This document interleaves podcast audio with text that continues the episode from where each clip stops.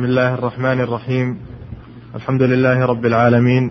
اللهم صل وسلم على نبينا محمد وعلى آله وصحبه أجمعين.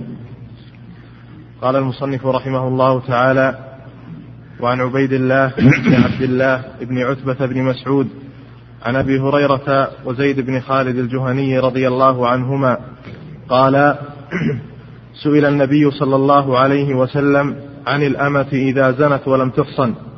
قال إن زنت فاجلدوها ثم إن زنت فاجلدوها ثم إن زنت فاجلدوها ثم بيعوها ولو بظفير قال ابن شهاب ولا أدري أبعد الثالثة أو الرابعة والظفير الحبل. بسم الله الرحمن الرحيم. الحمد لله رب العالمين صلى الله وسلم على نبينا محمد وعلى آله وأصحابه أجمعين.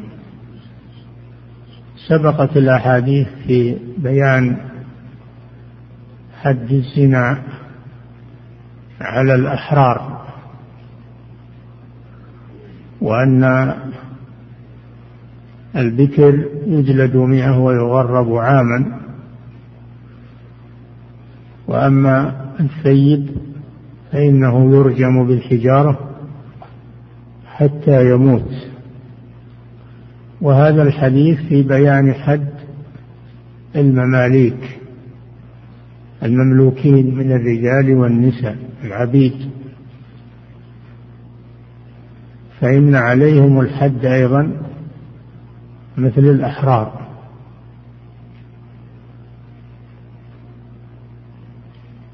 لقوله تعالى في الإماء فإذا أحصن يعني تزوجنا فعليهن نصف ما على المحصنات من العذاب.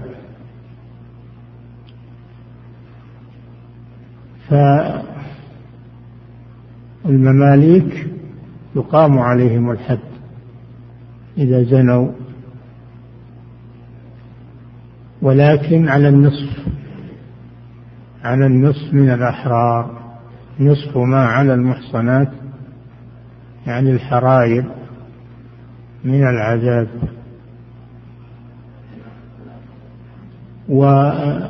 والتنصيف إنما يكون في الجلد فالمماليك ليس عليهم رجم لأن الرجم لا يتنصف وإنما الذي يتنصف هو الجلد. فكما أن على الحرمية جلدة غير المحصن فعلى المملوك خمسين جلد خمسون جلدة سواء كان بكرا أو ثيبا. هذا ما يجب في حق المملوك. وأما التغريب فلا يغرب. لأن تغريبه يضر بسيده. سيده لا ذنب له. فيقام عليه الحد. فوجوب الحد على المماليك ثابت بالكتاب وبالسنه الكتاب في الآية التي سمعتم وفي السنة في هذا الحديث. ولكن عليهم الجلد في حالة الإحصان وفي حالة البكورة ولا رجم عليهما. ودل الحديث على أن الذي يقيم الحد في الجلد هو السيد. وفي سائر الحدود الحدود التي على الأحرار لا يقيمها إلا ولي الأمر أو نائبه. أما السيد فإنه يقيم الحد على مملوكه بغير القطع والقتل وإنما في الجلد فقط. أما القطع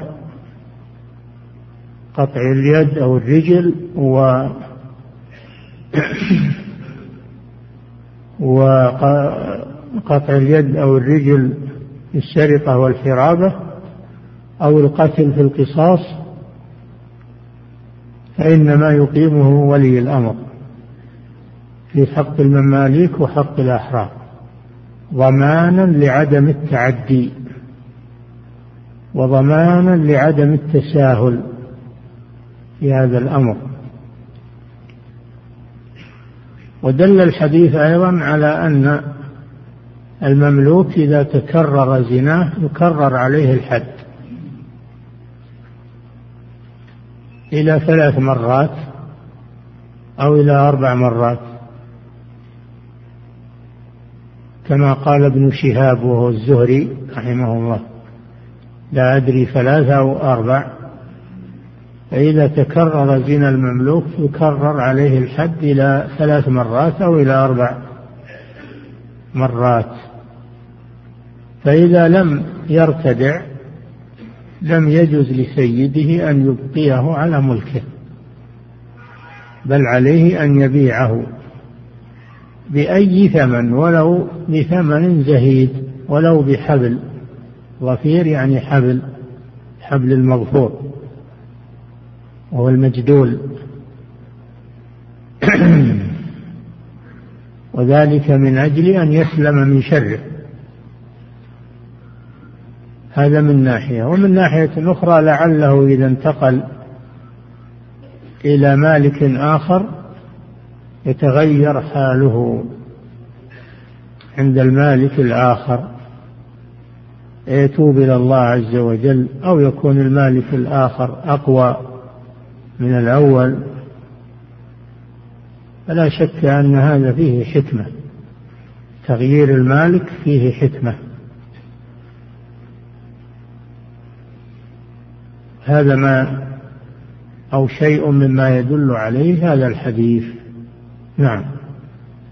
صلى الله عليه وسلم وعن أبي هريرة رضي الله عنه أنه قال أتى رجل من المسلمين رسول الله صلى الله عليه وسلم وهو في المسجد فناداه فقال يا رسول الله إني زنيت. فأعرض عنه فتنحى تلقاء وجهه فقال يا رسول الله إني زنيت. فأعرض عنه حتى ثنى ذلك عليه أربع مرات. فلما شهد على نفسه أربع شهادات دعاه رسول الله صلى الله عليه وسلم فقال أبك جنون قال لا. قال فهل أحصنت؟ قال نعم. فقال رسول الله صلى الله عليه وسلم اذهبوا به فارجموه. قال ابن شهاب فأخبرني أبو سلمة بن عبد الرحمن أنه سمع جابر بن عبد الله رضي الله عنه يقول كنت في من رجمه فرجمناه بالمصلى فلما أذلقته الحجارة هرب فأدركناه بالحرة فرجمناه. الرجل هو ماعز بن مالك وروى قصته جابر بن سمرة وعبد الله بن عباس وأبو سعيد الخدري وبريدة بن الحصيب الأسلمي رضي الله عنهم. نعم. هذا الحديث في قصة ماعز بن مالك الأسلمي رضي الله عنه أنه زنى ثم إنه خاف من الله عز وجل وتاب إلى الله وضاقت عليه الأرض بما رحبت من الندم والخوف من الله عز وجل. فذهب إلى النبي صلى الله عليه وسلم فطلب منه أن يقيم عليه حد الزنا. النبي صلى الله عليه وسلم لم يستعجل. لذلك بل أعرض عنه ثم كرر الاعتراف عند الرسول صلى الله عليه وسلم حتى بلغ أربع مرات. فلما بلغ أربع مرات يقر النبي صلى الله عليه وسلم أراد أن يستثبت من شأنه من ناحية عقله. من ناحية عقله فلعله أن يكون أقر وهو غير كامل العقل يكون هذا نتيجة خلل في عقله. فأخبر أنه ليس بعقله بأس. ثم سأل الرجل هل أحسنت؟ يعني هل تزوجت؟ ووطئت زوجتك. قال نعم اعترف بالإحصان. عند ذلك أمر النبي صلى الله عليه وسلم الصحابة ووكلهم بأن يذهبوا به يرجموه ينفذوا فيه الحد. فرجموه في المصلى يعني مصلى الجنائز لأن كان من عادتهم أنهم يجعلون للجنائز مصلى خاصا غير المسجد. ويجوز الصلاة عليها في المسجد. قد صلوا على بعض الصحابة في المسجد. لكن كانوا المعتاد أنهم يصلون عليها في مكان يسمى مصلى الجنائز البقيع الغرقد.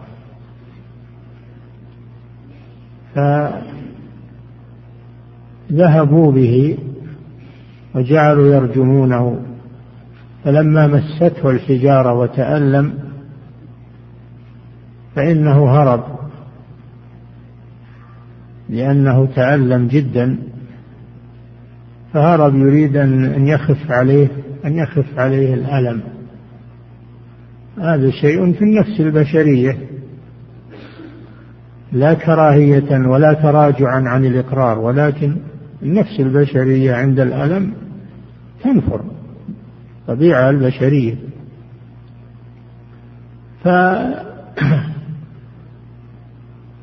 طلبوه وأتموا عليه الحد في الحرة والحرة أرض حول المدينة من الجانب الشرقي والجانب الغربي.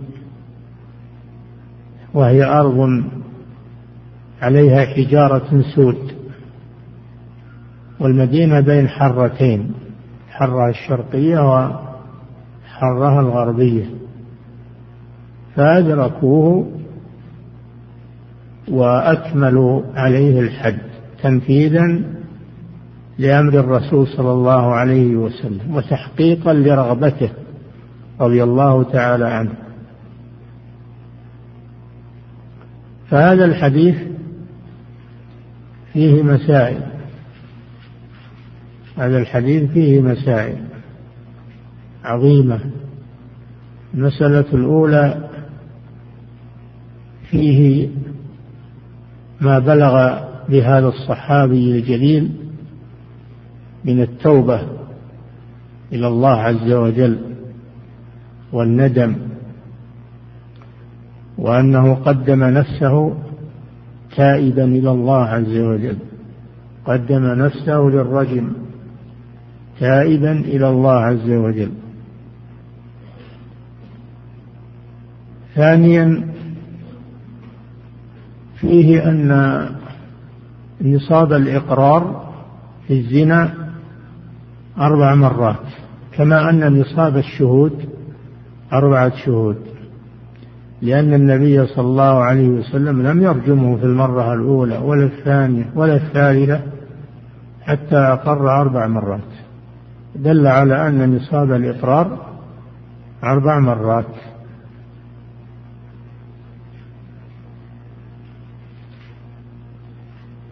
وأما الشهود فهم شاهدان فقط.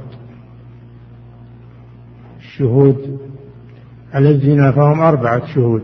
أربعة شهود. أربعة شهود. واللاتي يأتين الفاحشة من نسائكم واستشهدوا عليهن أربعة منكم. والذين يرمون المحصنات ثم لم يأتوا بأربعة شهداء فاجلدوهم ثمانين جلدة لولا جاءوا عليه بأربعة شهداء. النصاب الشهادة على الزنا أربعة شهود والنصاب الإقرار اختلف العلماء فيه على قولين القول الأول وهو قول الجمهور أنه أربع مرات كما في هذا الحديث. القول الثاني أنه يكفي فيه مرة واحدة كسائر الإقرارات وبدليل أن النبي صلى الله عليه وسلم قال في امرأة العسيف الذي سبق واغد يا أنيس فإن اعترفت فارجمها. ولم يقل أربع مرات. دل على أنه يكفي مرة واحدة. والراجح والله أعلم هو القول الأول أنه لا بد من أربع مرات. وإلا لما أعرض النبي صلى الله عليه وسلم إلى الرابعة. ولو كان ما دون الأربع يكفي لما أعرض عنه صلى الله عليه وسلم بل يبادر بإقامة الحد عليه. وأما حديث اغدو يا أنيس هذا حديث مجمل يفسره هذا الحديث فإن اعترفت يعني اعترفت أربع مرات. بناء على أن أنيسا يعرف نصاب الإقرار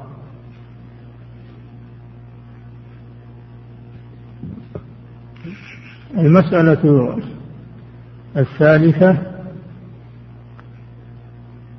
فيه أن للإمام أن يوكل من ينفذ الحدود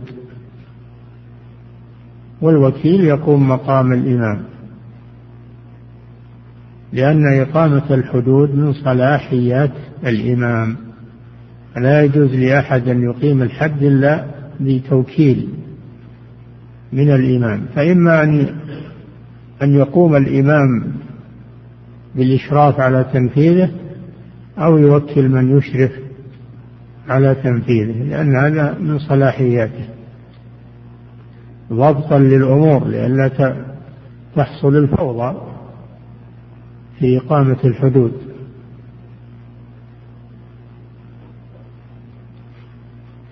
فهذا بعض ما يفيده هذا الحديث. نعم. صلى الله وعن عبد الله بن عمر رضي الله عنهما. وفيه, وفيه أن الحدود لا تقام في المساجد لأن الرجل اعترف في المسجد ومع هذا قال صلى الله عليه وسلم اذهبوا به. ذهبوا به خارج المسجد فرجموه. فلا تقام الحدود في المساجد. نعم. وعن عبد الله بن عمر رضي الله عنهما أنه قال إن اليهود جاءوا إلى رسول الله صلى الله عليه وسلم فذكروا له أن امرأة منهم ورجلا زنيا فقال لهم رسول الله صلى الله عليه وسلم ما تجدون في التوراة في شأن الرجم؟ فقالوا نفضحهم ويجلدون. قال عبد الله بن سلام كذبتم إن فيها آية الرجم فأتوا, فأتوا بالتوراة فنشروها. فوضع أحدهم يده على آية الرجم فقرأ ما قبلها وما بعدها فقال له عبد الله بن سلام ارفع يدك. فرفع يده فإذا فيها آية الرجم فقال صدق يا محمد. فأمر بهما النبي صلى الله عليه وسلم فرجما. قال فرأيت الرجل يجنع على المرأة يقيها الحجارة. قال رضي الله عنه الذي وضع يده على آية الرجم هو عبد الله بن صوريا. نعم. وهذا الحديث أيضا في إقامة حد الزنا. على أهل الكتاب إذا كانوا في ولاية المسلمين وهم إذا كانوا في ولاية المسلمين وهم يعتقدون وهم يعتقدون الحكم ويرونه فإنه ينفذ عليهم فهذه القصة فيها أن اليهود زنى اليهود الذين كانوا يقيمون في المدينة وعاهدهم النبي صلى الله عليه وسلم على أن يبقوا على أموالهم وعلى بلاد على بيوتهم وعلى مزارعهم ويكفوا شرهم عن المسلمين وإذا غزيت المدينة فإنهم يدافعون عنها مع المسلمين. هذا هو العهد الذي أبرمه معهم صلى الله عليه وسلم. زنى منهم رجل وامرأة. وكان عندهم الرجم فكأنهم استثقلوه. وقالوا نذهب إلى محمد. لأن الله أعطاه الدين السمح. أعطاه الدين السمح. ورفع عنه الآثار والأغلال. فلعله أن يفتي بعدم الرجم. ويكون ذلك حجة لنا عند الله تعالى يوم القيامة.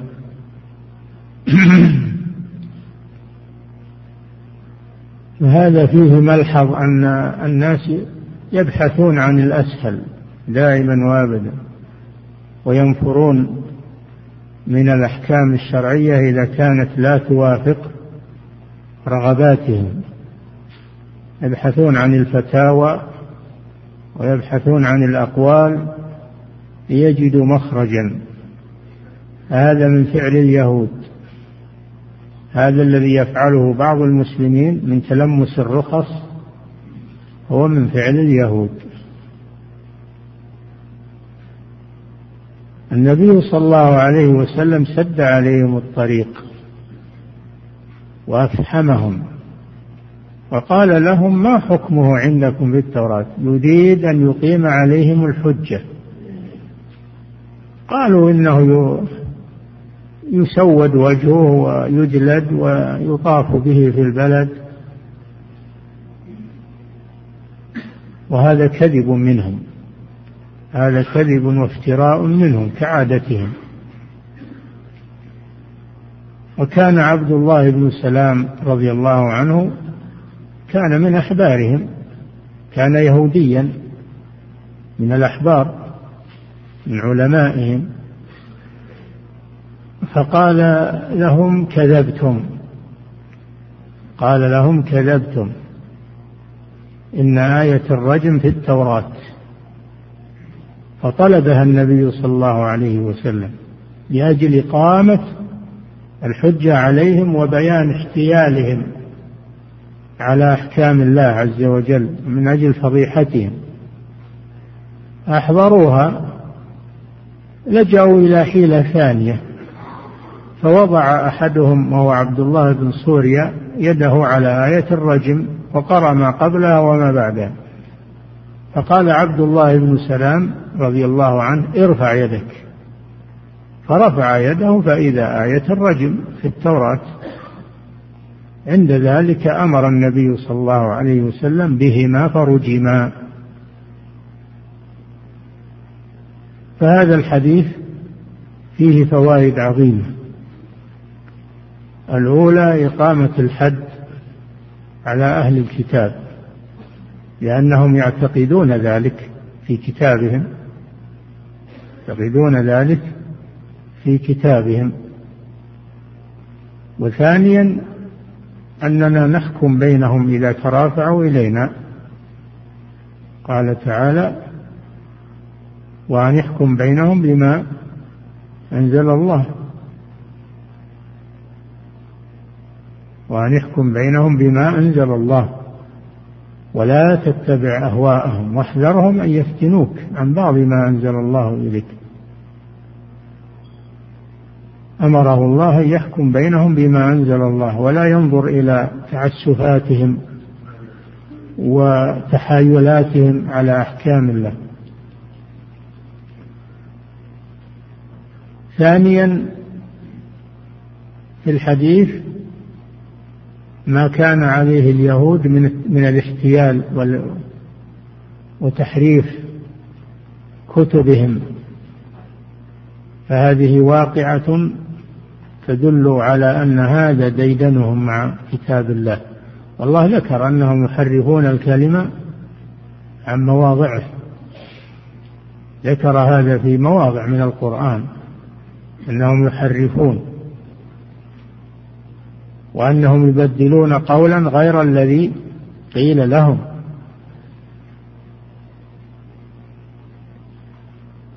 النبي صلى الله عليه وسلم أراد بهذا أن يفضحهم. وفيه فضل عبد الله بن سلام رضي الله عنه حيث إنه صدع بالحق. حيث إنه صدع بالحق.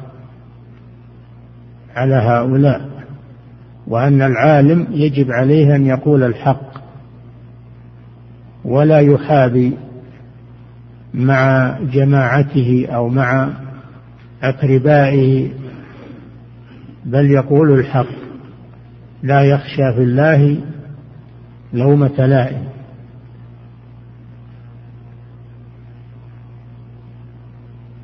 وفي قوله إنه كان الرجل يجنأ عليها أو يحنأ عليها معناه أن الرجل كان يلقي نفسه على المرأة يقيها من الحجارة شفقة عليها شفقة عليها. آه، وذكر هذا من باب التأكيد لا ولا ما يترتب عليه حكم لكن ذكره الراوي من باب التأكيد في الرواية ووصف الواقعة. والرجم ثابت في كتاب الله عز وجل في آية نسخ لفظها وبقي حكمها وهي قوله تعالى الشيخ والشيخة يعني السيد إذا زنيا فارجموهما البتة نكالا من الله والله عزيز حكيم.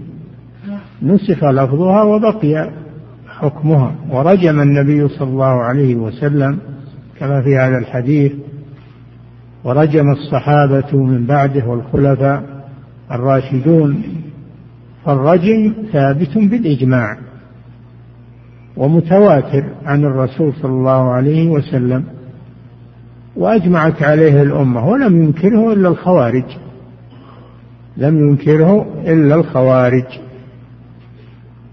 والخوارج ليس هذا بغريب عليهم ومن طوامهم وفضائحهم أنهم ينكرون من الأحكام الشرعية ما لا يدخل عقولهم أو أو يتماشى مع يتماشى مع أفكارهم لأنهم لا يأخذون العلم من مصادره وإنما يأخذون العلم عن بعضهم من بعض وهم جهال هم جهال وأيضا يعتمدون على عقولهم.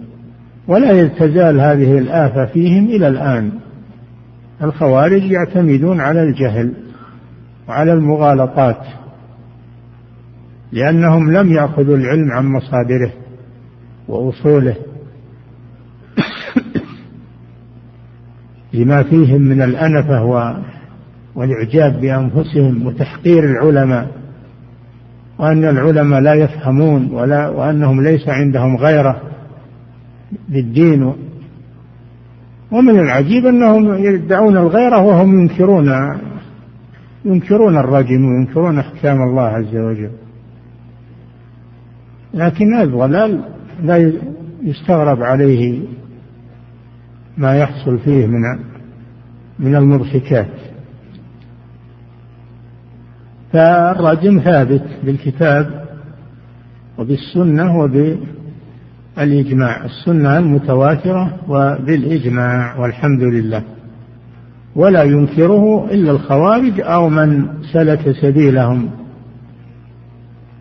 من أهل الزيغ والضلال من بعض الكتاب المنحرفين الذين يستنكرون إقامة الحدود ويقولون إنها وحشية وإنها وإنها كأنهم يرحمون المجرمين ولا يرحمون ولا يرحمون المعتدى عليهم لا يرحمون أهل الاستقامة فهم يرحمون المجرمين ويعطفون عليهم ولا يرحمون المظلومين والمعتدى عليهم ولا يهتمون بالأمن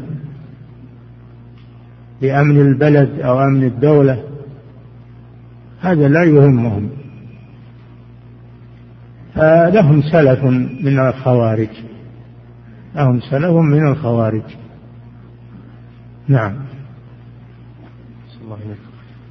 عن أبي هريرة رضي الله عنه أن رسول الله صلى الله عليه وسلم قال لو أن رجلا أو قال امرا اطلع عليك بغير إذنك فحدثته بحصاة ففقأت عينه ما كان عليك جناح. نعم. هذا من الوقاية لما ذكر الحدود و التي على الفواحش والجرائم ذكر الوقاية منها. وسائل الوقاية من الجرائم كثيرة. منها غض البصر غض البصر عن عورات. الناس غض البصر عن النساء غض البصر عن البيوت لأن البيوت قد يكون فيها أهلها على حالة لا يجوز الاطلاع عليهم فيها قد يكون فيه نساء غير محجبات فيه نساء قد يكون على حالة آه، غير لأنهن آمنات في بيوتهن. قد تكون المرأة تتوضأ أو تقضي حاجتها أو تستحم أو غير ذلك لأنها في مأمن في بيتها وفي ستر. يكون في البيوت أسرار لا لا يجوز لأحد أن يطلع عليها أو يستمع إلى أحاديث أهلها. فلا يجوز الاطلاع على على عورات البيوت. ولا الاستماع والتصنت عليها إلا في حالة الاشتباه كأن يكون هناك مجرمون أو لصوص أو ناس لجأوا إلى بيوت ليدبروا المؤامرات أو عندهم أو عندهم أشياء فيها خطر على المسلمين كجباية الأسلحة وغير ذلك. فإنه لا بأس بأن يتابع هؤلاء وأن يستمع إلى أقوالهم وما يتناجون فيه بينهم وتستعمل الآلات التي تظهر هذا وأن يطلع عليهم حتى يقبض عليهم. هذا للمصلحة العامة. مصلحته أكثر مما فيه من الضرر إن كان فيه ضرر. أما الأناس الأبرياء والأتقياء فهؤلاء لهم حرمة والبيوت لها حرمة. قال الله تعالى يا أيها الذين آمنوا لا تدخلوا بيوتا غير بيوتكم حتى تستأنسوا وتسلموا على أهلها حتى تستأنسوا وتسلموا على أهلها. فلا بد من الاستئذان بالسلام عليهم حتى يشعروا أن أحدا يريد الدخول عليهم فيستعدون لاستقباله. فالاستئذان لحرمة البيوت. فلو أن إنسانا انتهك الحرمة وتطلع إلى بيوت الناس ليرى عوراتهم فلهم أن يفقعوا عينه. العين التي أجرمت وتريد الاطلاع تفقع لأنها لا حرمة لها. كما أن اليد السارقة تقطع لأنها خائنة. فكذلك العين تفقى فلو أن صاحب البيت خذف أو حذف حجرا أو شيئا خفيفا على هذا الذي يطلع فأصاب عينه فذهبت فإنها هدر لأنها غير محترمة. فهذا فيه حرمة البيوت وأسرار المسلمين وفيه سد الوسائل التي تفضي إلى الشر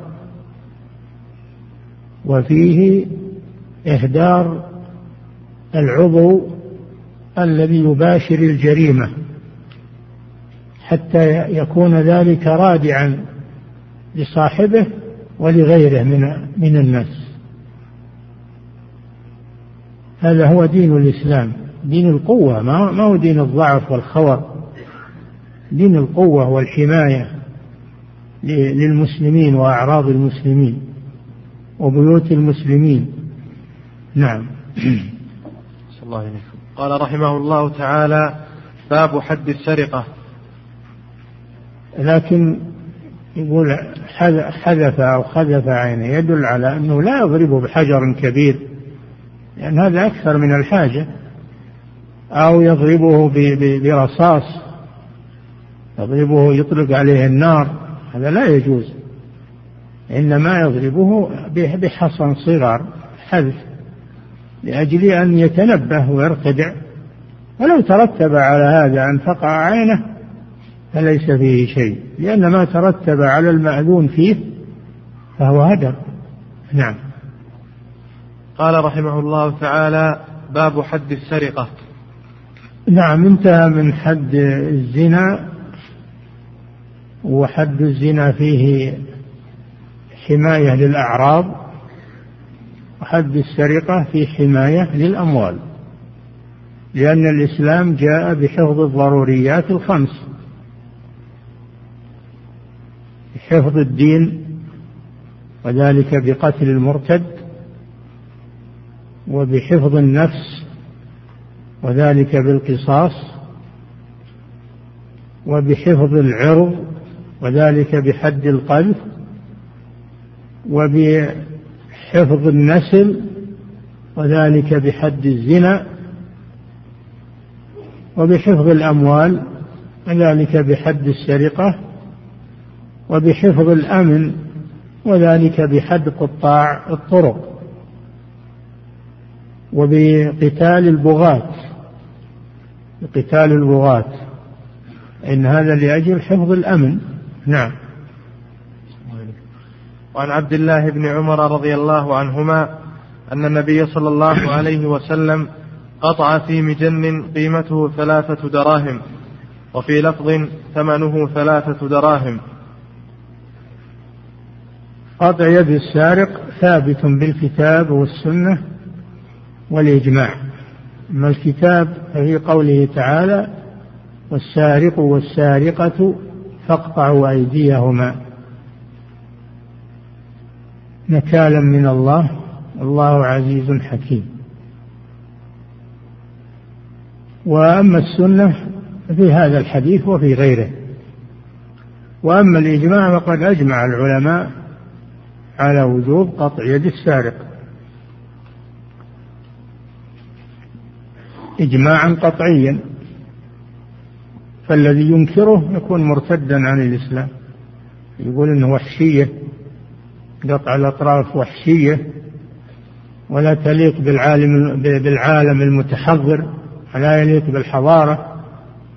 نقول هذا ردة عن الإسلام. إن كان الذي يقول هذا كافر الكفر ليس بعده ذنب. أما إن كان الذي يقوله يدعي الإسلام فهو مرتد عن دين الإسلام. لأنه مكذب لله ولرسوله ولإجماع المسلمين. والسرقة هي أخذ المال من حرزه خفية. أخذ المال من حرزه وهو الشيء الذي يحفظه خفية على وجه الاختفاء.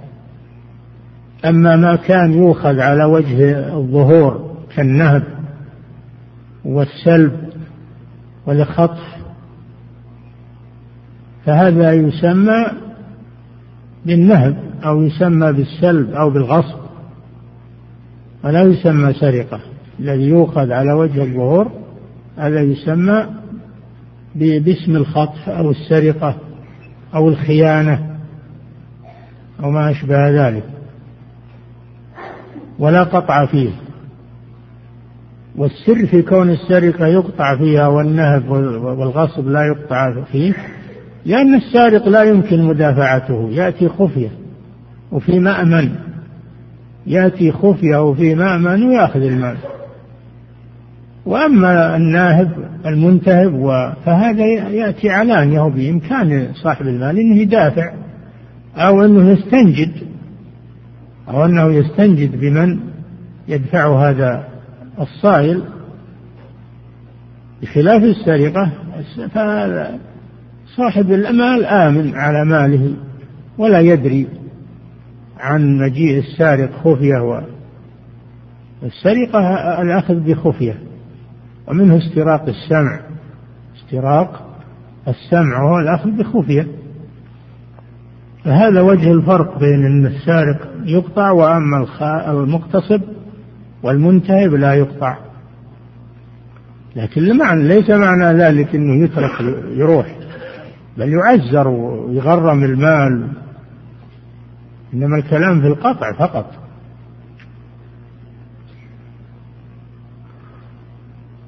والقطع في السرقة له شروط. الذي يقطع في السرقة هو اليد. اقطعوا أيديهما. واليد هي الكف. هي الكف. من مفصل الكف وهو المفصل الذي يجمع بين الذراع وبين الكف يسمى بالكوع. وأما الذي يجمع بين العضد والذراع يسمى المرفق يسمى الكوع. الناس يسمونه الكوع هذا غلط. الكوع هو ما بين رأس الذراع وبين الكف هذا هو الكوع. فتقطع اليد من الكوع. من مفصل الكف وأي اليدين تقطع؟ اليد اليمنى. اليد اليمنى. من أين أخذنا هذا؟ والله جل وعلا يقول والسارق والسارقة فاقطعوا أيديهما. ولم يفصل. قال والسنة فصلت. سنة الرسول صلى الله عليه وسلم فصلت. وجاءت قراءة في الآية فاقطعوا أيمانهما. في في بعض القراءات فاقطعوا أيمانهما تقطع اليد اليمنى ومن مفصل الكف.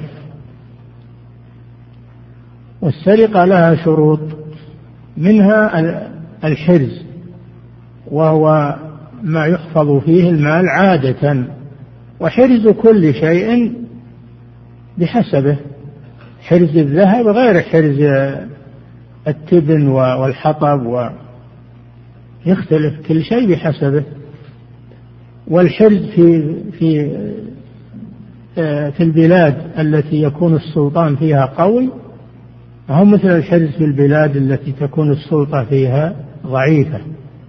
الحرز يختلف باختلاف البلدان وباختلاف عدل السلطان وجوره باختلاف الأموال فمرجعه إلى العرف مرجع الحرز. إلى العرف وهو ما العادة حفظه فيه. هذا الحرز يشترط في للقطع أيضا بلوغ النصاب وهو المذكور في هذا الحديث أن يكون المسروق نصابا. والنصاب هو ربع دينار ربع مثقال من الذهب. الدينار المراد به النقد من الذهب. الدينار الإسلامي هو النقد من الذهب ومقداره ربع مثقال. هذا هو نصاب السرقة من الذهب. ومن الفضة ثلاثة دراهم إسلامية ثلاثة دراهم إسلامية. أو ما يعادل قيمة أحدهما من من من عروض التجارة. ما يعادل قيمة المقدارين من الذهب أو الفضة من عروض التجارة. هذا هو القول المشهور في هذه المسألة. ربع مثقال أو ثلاثة دراهم. أو ما يعادل أحد المقدارين قيمته لأن النبي صلى الله عليه وسلم قطع في مجن قيمته ثلاثة دراهم. والمجن هو الترس الذي يتخذه المقاتل يتترس من ورائه هذا هو المجن. سمي مجنا لأن الاجتنان هو الاستتار. جنه الليل يعني ستره الليل فلما جن عليه الليل يعني ستره الليل. ومنه الجنون لأن الجن لا نراهم فهم مستترون عنا فيسمون الجن لأجل أننا لا نراهم. مستترون عنا. وسمي الترس مجنا لأنه يستر المقاتل فلا تصل إليه السهام.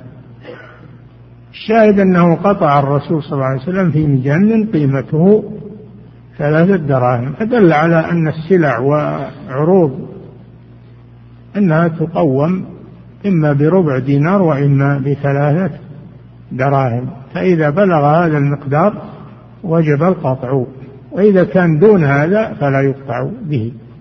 نعم. وعن عائشة رضي الله تعالى عنها الحديث؟ عن عبد الله بن عمر رضي الله عنهما أن النبي صلى الله عليه وسلم قطع في مجن قيمته ثلاثة دراهم. في مجن عرفنا المجن. وقيمته ثلاثة دراهم دليل على أن على أن إذا كان المسروق من غير النقدين أنه يثمن بالنقدين ثمن بالنقدين.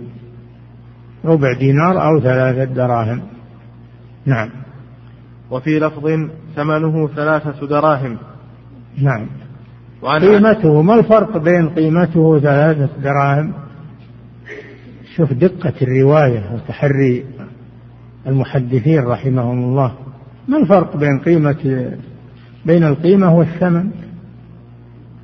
يعني الإنسان العجل يقول ما بينهم فرق. مع أن بينهم فرق. ثمنه يعني الذي اشتري به. أما قيمته فهي التي يساويها وقت السرقة. التي يساويها وقت السرقة وقد تكون أكثر من الثمن. تكون أقل. ففي فرق بين الثمن وبين القيمة. القيمة ما يقوم به وقت الحاجة. وأما الثمن فهو ما اشتري به أو بيع به. نعم. وعن عائشة رضي الله تعالى عنها أنها سمعت رسول الله صلى الله عليه وسلم يقول تقطع اليد في ربع دينار فصاعدا. فصاعدا يعني فأكثر. في ربع دينار هذا الحد الأدنى فصاعدا يعني فأكثر. نعم. وعن عائشة هذا يدل على ما دل عليه الحديث الأول. وقد اختلف العلماء هل الأصل الذهب ربع الدينار هو الأصل أو الأصل الفضة أو كلاهما أصل أو كلاهما أصل والخلاف يسير سواء قلنا هذا أو هذا. المهم ثلاثة دراهم أو ربع دينار. نعم.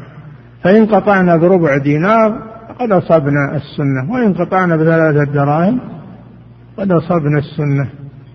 وإن قطعنا في سلعة ثمنها ربع دينار أو ثلاثة دراهم أصبنا السنة والحمد لله. نعم. وعن عائشة رضي الله تعالى عنها أن قريشا أهمهم شأن المخزومية التي سرقت فقالوا من يكلم فيها رسول الله صلى الله عليه وسلم فقالوا ومن يجترع عليه إلا أسامة بن زيد حب رسول الله صلى الله عليه وسلم. فكلمه أسامة فقال أتشفع في حد من حدود الله؟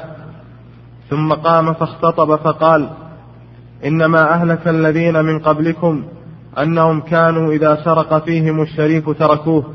وإذا سرق فيهم الضعيف أقاموا عليه الحد وآيم الله. ويم الله ويم الله قسم نعم. وأيم الله. ويم ويم. ويم الله. نعم. لو أن فاطمة بنت محمد سرقت لقطعت يدها. نعم هذا حديث عظيم. فيه أن الحدود لا يحابى بها. تقام على الشريف وعلى الوضيع. خلافا لما كان في الأمم السابقة التي غيرت وبدلت إنهم كانوا يقيمون الحدود على الضعفاء ولا يقيمونها على الأكابر.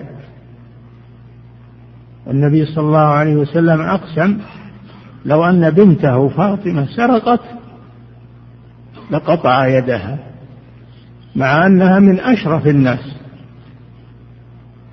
قرشية هاشمية بنت الرسول صلى الله عليه وسلم. لو سرقت يعني من باب الافتراض وإلا حاشاها أن تسرق رضي الله عنها. لكن هذا من باب الافتراض. مثل قوله تعالى ولو أشركوا يعني الأنبياء ولو أشركوا لحبط عنهم ما كانوا يعملون. ولقد أوحي إليك وإلى الذين من قبلك لئن أشركت ليحبطن عملك. هذا من باب الافتراض. فإذا كان الرسول لو أشرك يحبط عمله فكيف بغيره؟ كذلك إذا كانت فاطمة بنت محمد لو سرقت وهي أشرف نساء العالمين لقطعت يدها فكيف بغيرها؟ والمناسبة أن هذه المرأة من بني مخزوم وبنو مخزوم بطن من قريش بطن من قريش. منهم الوليد بن المغيرة ومنهم خالد بن الوليد ومنهم بنو مخزوم ومنهم أبو جهل ومنهم من بني مخزوم بطن من قريش. كانوا ينافسون بني هاشم في الشرف وفي الكرم وفي قدر أن امرأة منهم مخزومية كانت تستعير المتاع تأخذه عارية. تأخذه عارية والعارية أن تأخذ حاجة تنتفع بها وتردها إلى صاحبها. تأخذ قدر تأخذ صحن تأخذ سكين تأخذ تقضي حاجتك بها ثم أو دابة أو أو سيارة تأخذها وتقضي حاجتك وتردها إلى صاحبها وهذا مشروع وهذا فيه أجر. قال تعالى ويمنعون الماعون. يعني ويل للمصلين الذين هم عن صلاتهم ساهون الذين هم يراءون ويمنعون الماعون. فتوعدهم بالويل والماعون المراد به العارية. فإذا كان احتاج أخوك إلى الاستعارة وليس عليك ضرر فإنك تعيره. فهذه المرأة كانت تستغل هذا الشيء تستعير المتاع بصورة أنها سترده ثم تجحده تنكره وتبيعه. فهي تسرق وتستر ذلك بالعارية. تسرق من الناس وتستر هذا بصورة العارية. فلذلك أمر النبي صلى الله عليه وسلم بقطع يدها. أمر بقطع يدها. لأن الحيل لا تنفع إذا أريد بها إسقاط الأحكام الشرعية فالحيل لا ي...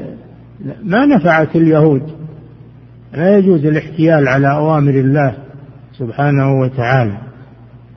وأن تظهر الأشياء بغير مظهرها. يسمى الخمر بغير اسمه يسمى الربا بغير اسمه يسمى السرقة بغير اسمها. ما يجوز الأسماء لا تغير الحقائق ولا يلتفت إلى الأسماء إنما يلتفت إلى الحقائق. فهذه المرأة كانت تستر سرقتها بصورة العارية ولم ينفعها ذلك. أمر النبي صلى الله عليه وسلم بقطع يدها. فقبيلتها أهمهم شأنها لأنها امرأة شريفة من بني مخزوم من قريش. أمر النبي صلى الله عليه وسلم بقطع يدها وفي ذلك هوان عليهم فكروا كيف يواجهون الرسول صلى الله عليه وسلم. وهذا يدل على هيبة الرسول صلى الله عليه وسلم وصرامته في الأحكام. أنه لا تأخذه في الله لومة لائم. فكروا وجدوا أن أحب الناس إليه أحب الرجال إليه هو يعني بعد أبي بكر الصديق وبعد لكن ألصقهم به وأقربهم إليه مولاه مولاه أسامة بن زيد بن حارثة رضي الله عنهما مولى رسول الله صلى الله عليه وسلم وحبه لأنه الرسول كان يحبه ويحب أباه زيد بن حارثة. فهم يعني أرادوا أن يتذرعوا إلى الرسول بهذا الرجل الكريم أسامة بن زيد نظرا لمكانته عند الرسول صلى الله عليه وسلم. أسامة يريد الخير. كلم النبي صلى الله عليه وسلم فغضب النبي صلى الله عليه وسلم. غضب صلى الله عليه وسلم. لأن هذا ما فيه محاباة لأحد ولا فيه وسايط. ولا فيه وسايط. وفيه دليل على أن الشافع يرد إذا كانت شفاعته آه، سيئة أنها ترد. ولو كان قصده حسنا. إنها ترد ولا تقبل. من يشفع شفاعة سيئة كله كفل منها. في الحديث إذا بلغت الحدود السلطان لعن الله الشافع والمشفع. وفي هذا الحديث إنما أهلك من كان قبلكم أنهم يقيمون الحد على الضعيف ويتركون الشريف. ففي هذا نهي لنا أن نسلك مسلك الأمم السابقة في هذا الأمر وفي غيره. وفيه في هذا الحديث مسائل عظيمة. أولا فيه القطع القطع بالعارية بجحود العارية. القطع بجحود العارية. فمن يستعير من الناس ثم لا يرد عليهم عواريهم ويبيعها ويحتال عليهم تقطع يده. هذا ظاهر الحديث. قد أخذ بهذا الإمام أحمد. الجمهور يقولون لا ما يقطع بالعارية لأنها خيانة ولا قطع على خائن. ولكن الرسول قطعها لأنها سارقة. قطعها لأنها سارقة لا لأنها تستعير من الناس. ولكن ظاهر الحديث مع ما قال به الإمام أحمد رحمه الله. لأنه لو فتح هذا الباب باب الحيل احتال الناس على السرقات. فلا بد من سد الذرائع والحيل وحفظ أموال الناس ومنع المكر بالناس. وفيه تحريم الشفاعة في الحدود. فيه وقد, وقد لعن النبي صلى الله عليه وسلم من آوى محدثا من آوى محدثا أي منع من إقامة الحد عليه.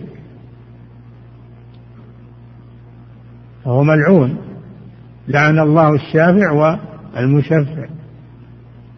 تعافوا الحدود فيما بينكم فما بلغني من حد فقد وجب. فيه دليل على أن الحدود إذا بلغت السلطان فلا تجوز الشفاعة فيها. أما قبل أن تبلغ السلطان فلهم أن يستروا عليه وأن يصلحوا بين الطرفين ولا ترتفع للسلطة. لكن إذا ارتفعت السلطة فلا بد من تنفيذها. لا بد من تنفيذها. وفيه أن أنه يجب علينا أن نخالف هدي من كان قبلنا في الاحتيال على محارم الله وأحكام الله بالحيل كما تفعل اليهود كما تفعل الأمم السابقة من اليهود والنصارى.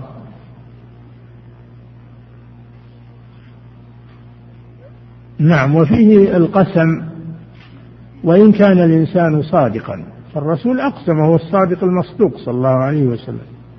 لكن هذا من باب الصرامة في الأمر والتأكيد في الأمر. نعم. وفي لفظ كانت امرأة تستعير المتاع وتجحده فأمر النبي صلى الله عليه وسلم بقطع يدها. إلا أول الرواية أصل الرواية سرقت. امرأة من بني مخزوم سرقت. في آخر الرواية بين نوعية هذه السرقة وهي أنها كانت تستعير المتاع وتجحده فيكون الرواية الثانية مبينة للرواية الأولى. نعم. قال رحمه الله تعالى باب حد الخمر. يكفي. نعم. صلى الله إليكم سماحة الوالد. يقول السائل هل إذا أطلق لفظ اليد في الكتاب والسنة نعم. يقول أحسن عليكم هل إذا أطلق لفظ اليد في الكتاب والسنة يراد به الكف فقط أم يراد به اليد كاملة؟ في الوضوء بين الله وأيديكم إلى المرافق. لو قال امسحوا بأيديكم لو قال جل وعلا فاغسلوا أيديكم فقط لكان إلى الكف. لكن لما قال إلى المرافق فلا بد من غسل الذراعين. بنص الآية. هذا فالكف فاليد إذا أطلقت إلى الكف. وأما إذا قيدت مثل إلى المرافق فتقيد في التيمم قال يمسح يديه وجهه ويديه. مش المراد باليدين في التيمم؟ ها؟ الكفين. يمسح وجهه ويديه. ما قال إلى المرافق. فيقتصر على الكفين فقط. بينما قال في الوضوء إلى المرافق. نعم. صلى الله عليكم سم... نعم. صلى الله عليكم سماحة الوالد. يقول السائل إذا ترافع إلينا أهل الكتاب فهل نحكم بينهم بشرعهم أم بشرعنا? بشرعنا. لأن يعني شرعهم نسخ. لكن الرسول أراد أن يقيم الحجة عليهم فقط. لا ليحتج بشرعهم. وإنما أراد أن يقيم الحجة عليهم ويبين كذبهم. وتحيلهم. وإلا فالقرآن ناسخ لما قبله الحكم به وأن يحكم بينهم بما أنزل الله. ولا تتبع أهواءهم نعم. صلى الله عليكم. سماحة الوالد يقول السائل ما حكم من شرب الخمر ثم تاب منه؟ هل يجب عليه الحد؟ وماذا يفعل إن لم يجد من يجلده؟ وذلك إذا تاب إذا تاب إلى الله قبل أن يبلغ السلطان فهذا طيب. وأحسن له أنه يتوب ويستر نفسه ولا عليه حد. لا عليه حد يستر نفسه. أما إذا بلغ السلطان فلا بد من إقامة الحد ولو تاب. توبة لا تسقط الحد بعد بلوغه وتقرره لأنه تقرر عند السلطان. لا يجوز إسقاطه بعد تقرره. نعم. صلى الله عليكم سماحة الوالد. يقول السائل امرأة لها ولد من زنا قبل إسلامها وقد تزوجت بعد إسلامها رجلا مسلما وترك ولدها مع أبيه من الزنا. وتقول المرأة ما بقول له؟ ما بقول له؟ ولد الزنا ما الهبو ولد الزنا ما الهبو ولا يلحق بأحد يلحق بأمة فقط. نعم. تقول والسؤال ما واجب هذه المرأة تجاه ولدها؟ واجبها تجاه ولدها هو ولدها ويلحق بها. هو ولدها ويلحق بها ويرث منها وترث منه. فهو ولدها. يجب له ما يجب للأولاد. نعم. صلى الله عليكم سماحة إذا كان مسلما. أما إذا كان كافرا الله جل وعلا يقول لا تتخذوا آباءكم وإخوانكم أولياء. ويقول جل وعلا لا تجد قوما يؤمنون بالله واليوم الآخر يؤدون من حاد الله ورسوله ولو كانوا آباءهم أو أبناءهم.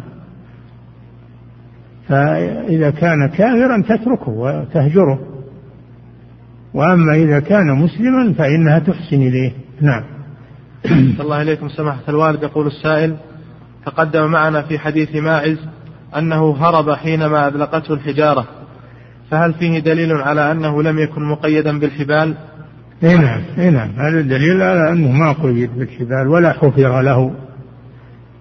نعم. قل أحسن لك فهل إذا رجم الزاني في هذا الزمان يربط بالحبال؟ حسب حسب الحاجة. هذا حسب الحاجة. إذا كان يحتاج إلى ضبطه وتوثيقه نعم يربط. أما إذا كان ما يحتاج فلا يربط بالحبال. نعم.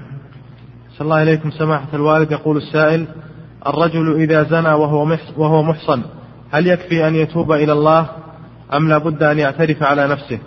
لا كونه يتوب إلى الله ويستر نفسه هذا أفضل.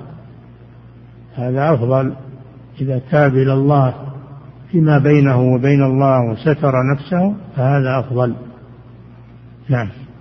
صلى الله إليكم سماحة الوالد. يقول السائل هل يجمع في حد الزاني المحصن بين الجلد والرجم أم يكتفى بالرجم فقط؟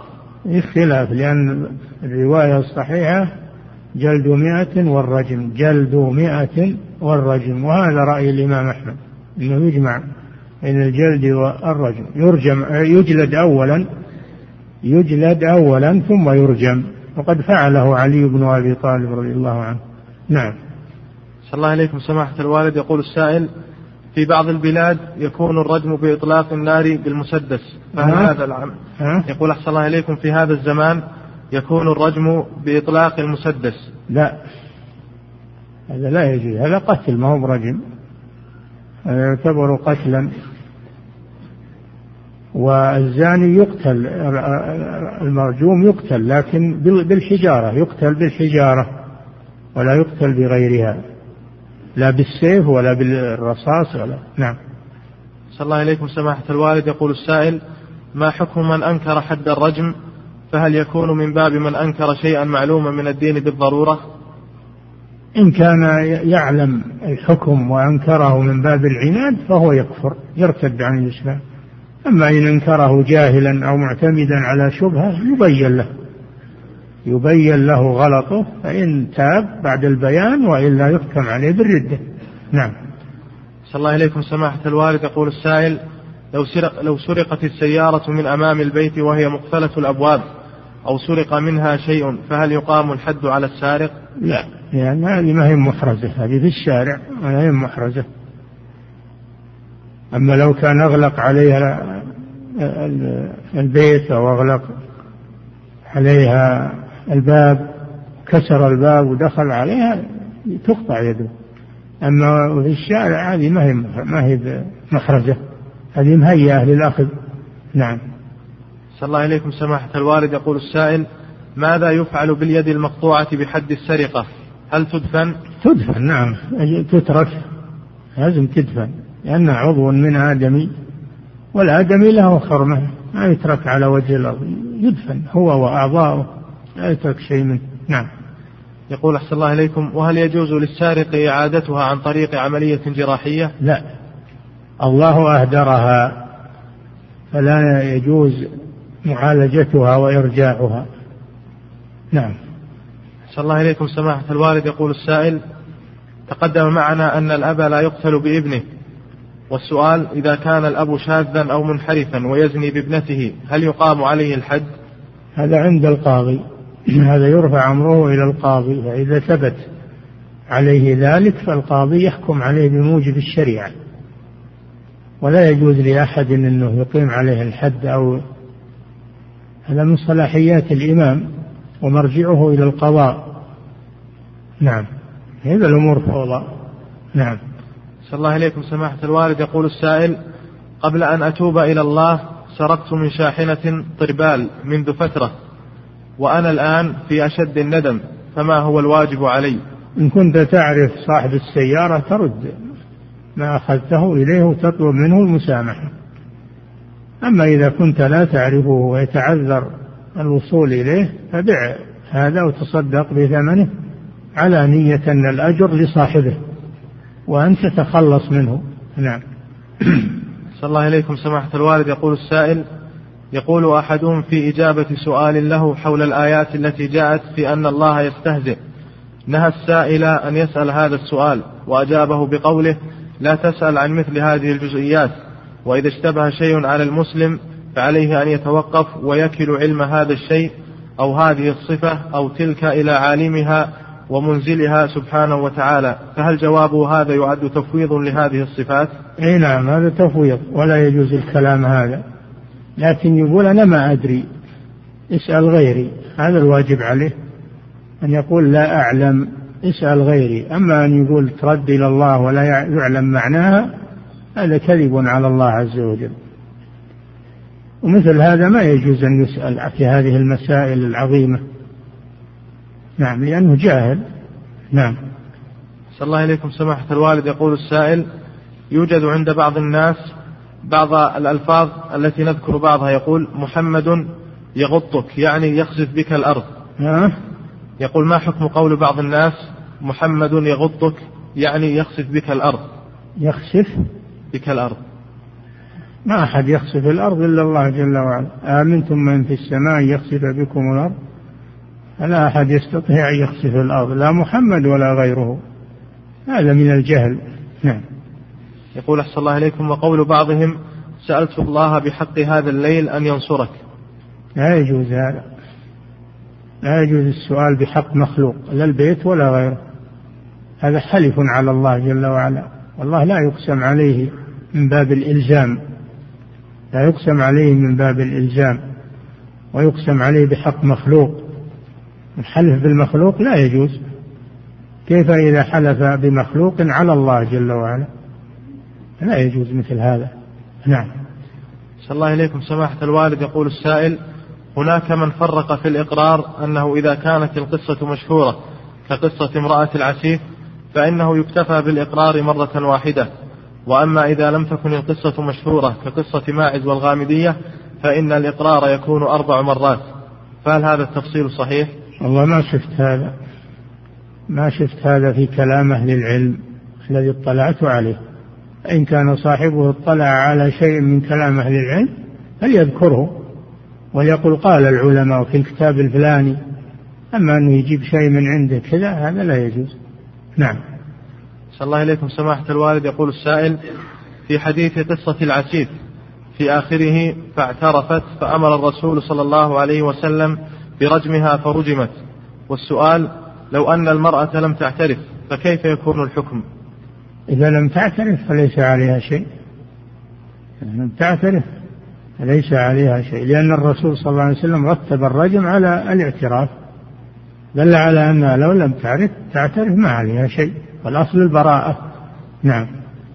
صلى الله إليكم سماحة الوالد يقول السائل هل الكفارة في قتل الجنين مثل الكفارة في قتل الإنسان؟ نعم إذا نفخت فيه الروح إذا نفخت فيه الروح لأربعة أشهر فأكثر فإن قتله مثل قتل النفس مثل القتل المولود سواء لأنه قتل نفس. نعم. صلى الله إليكم سماحة الوالد يقول السائل هل حد الزنا حق محض لله تعالى أم أن فيه حق آخر للمخلوق كولي المرأة وغيره؟ لا ليس للمخلوق حق فيه وإنما هو حق لله. ولو كان للمخلوق جاز المسامحة به التنازل عنه. وكونه لا يتنازل عنه هذا دليل على أنه حق لله عز وجل. نعم. أحسن الله إليكم. سماحة الوالد يقول السائل ما هو الدليل على اشتراط الحرز في السرقة مع أنه صلى الله عليه وسلم قطع يد المرأة المخزومية التي كانت تأخذ أموال الناس عارية ثم تجحدها؟ اي نعم هذا حرز. هذا حرز. تأخذها من مأمن تأمنهم على أنها عارية. هذا تأمين مثل تأمين الحرز. أخذتها خفية. فيها معنى السرقة.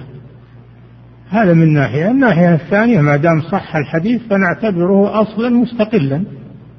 نعتبره أصلا مستقلا. نعم.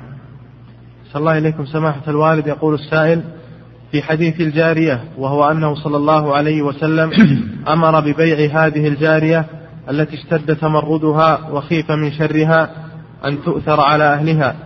يقول فهل يجوز بيعها مع أنها قد تضر بالمشتري في دينه؟ يبيعه. إذا إذا المشتري ما صلحت عنده يبيعها أيضا. إذا شافت أنها تباع من واحد لواحد فهذا مما يؤثر فيها ويحثها على التوبة. نعم. صلى الله إليكم سماحة الوالد الرسول صلى الله عليه وسلم لا يأمر بشيء إلا وفيه حكمة. تظهر لنا أو ما تظهر. نعم. أحسن الله إليكم سماحة الوالد يقول السائل هل فقع العين يكون أثناء تصنف المجرم أم أنه يجوز اللحاق به ومن ثم يفقع عينه؟ لا إذا راح إذا انصرف وش تبي راح. لكن ما دام أنه يباشر الجريمة فلك أن تخذفه. ما هو بتفقع عينه تقصد الفقع تخذفه بحصاة فإن ضربت عينه وأعدمتها فليس عليك شيء. نعم. صلى الله إليكم سماحة الوالد. يقول السائل في الحديث الذي أخرجه البخاري في صحيحه أن رجلا اطلع في حجر باب رسول الله صلى الله عليه وسلم فأخذ صلى الله عليه وسلم مشقصا وجاء يختل الناظر بالمشقص. يقول سؤالي ما هو المشقص؟ سهم المشقص السهم العريض. نعم. أحسن الله إليكم. سماحة الوالد يقول السائل أراد جماعة أن يصلوا على جنازة في المقبرة قبل أن تدفن فأنكر عليهم أحد الأشخاص داعيا لهم أن يصلوا عليها بعد الدفن وأن الصلاة عليها قبل الدفن في المقبرة لا يجوز فهل قوله صحيح؟ هذا جاهل هذا جاهل ولا يجوز له أن يتكلم بما لا يعلم. صلى على الجنازة قبل الدفن وبعد الدفن والصلاة عليها قبل الدفن أحسن لأنه صلاة على الجنازة مباشرة فهو أفضل من الصلاة عليها بعد الدفن. نعم. انتهى. أنا قلت لكم هالفتاوى هذه؟ يجب أن أصحابها يتقوا الله وأنهم لا يتعرضون للناس ويقولون هذا حلال وهذا حرام وهم ما يعرفون. يقولون من أفكارهم ومن أدمغتهم. ويضلون الناس والعياذ بالله. نعم. الله أعلم. صلى الله وسلم على نبينا محمد وعلى آله وصحبه.